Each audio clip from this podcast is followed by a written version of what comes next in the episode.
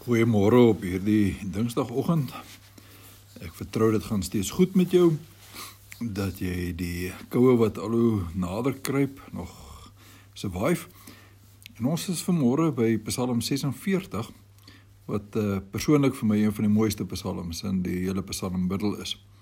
Nou hierdie psalm is natuurlik 'n nadenke van die geloofsgemeenskap oor die teenwoordigheid van God in ons nood. Die hele psalm praat van hoe God altyd teenwoordig is wanneer mense in nood is. Dit was ook Martin Luther se geliefde Psalm en daarom het hy hierdie Psalm gebruik as die inspirasie om sy aangrypende lied te skryf wat ons ken as 'n vaste brug is ons God. In ons liedboek is dit 'n verwerking, is daar 'n verwerking daarvan in lied 476. Eh, maar ons hoor ook in 477, sy is 'n bietjie anders te vertaal van hou Christus self sy kerk in stand te vergeefs die hel se woede. Nou, dis weer eens 'n Psalm van die Koragiete. En mens sou dit in 3 dele kon opdeel, vers 2 tot vers 4. Die agtergrond vir hierdie eerste deel van die Psalm word nie aan 'n presiese natuurlike gebeurtenis verbind nie, alhoewel dit duidelike aardskinnende ervaring was. Om die waarheid te sê, die omvang daarvan word met 'n kosmiese katastrofe vergelyk, waarin die grond en die berge pad gee en die druisende skuimende see gestort word. En in Om die waarheid te sê, die omvang daarvan word met 'n kosmiese katastrofe vergelyk, waarin die grond en die berge pad gee en in die druisende skuimende see gestort word, soos sê vers 3 en vers 4.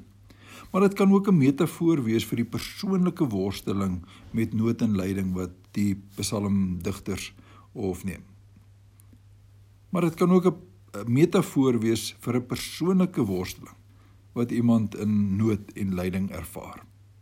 Dis binne sulke ervarings waarin die psalmis bely dat God steeds se toevlug en 'n beskerming bly en dat hy ervaar dat God altyd, soos altyd, bereid is om te help in nood. Soos hy aanvanklik die chaos magte oorwin en orde in die chaos gebring het, soos ons in die begin van die skepping hoor, So kan hy dit steeds vir vir sy mense doen. Tweede deel vers 5 tot vers 8 hoor ons dat die psalmis nie net 'n viering van God se verlossing uit haglike omstandighede nie, maar ook 'n viering van sy vaste teenwoordigheid in die Godstad en in sy heilige woning volgens vers 5. Waarmee sy keuse vir Sion natuurlik bevestig word. Ons gaan dit ook in die volgende twee psalms sien. Die vrede en die blydskap van Jerusalem, Sion is natuurlik nou Jerusalem, te midde van die chaos word besing. Omdat God daar is, sal die stad nie wankel nie sê vers 6.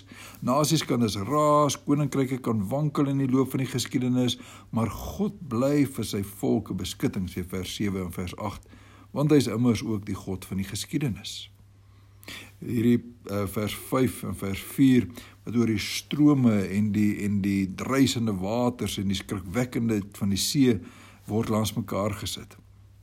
En hoor bietjie en kyk bietjie hoe die strome van die rivier in vers 5 juis gekontrasteer word met die waters van die see in vers 4 as 'n simbool van God se verkokende teenwoordigheid in kontras met die onstuimigheid van die chaosmagte.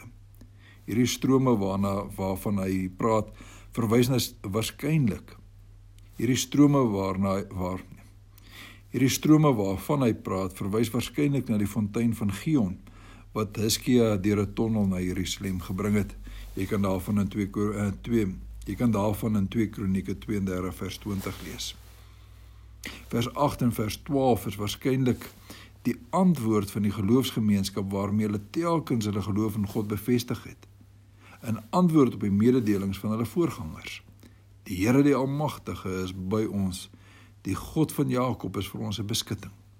Dit word nou in vers 8 gesê, maar dan eindig hierdie Psalm weer met 'n herhaling hiervan. Deur hierdie frase te herhaal, is die belydenis van God se beskutting ingeskerp en bevestig vir hierdie geloofsgemeenskap.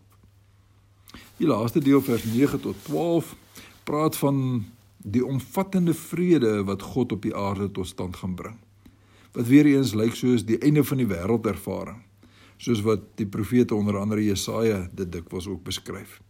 Dis met hierdie toekomsvisie waar die Psalm dan in Psalm 11 verklaar: "Bedaar en erken dat ek God is, hoog bo die nasies, hoog bo die aarde."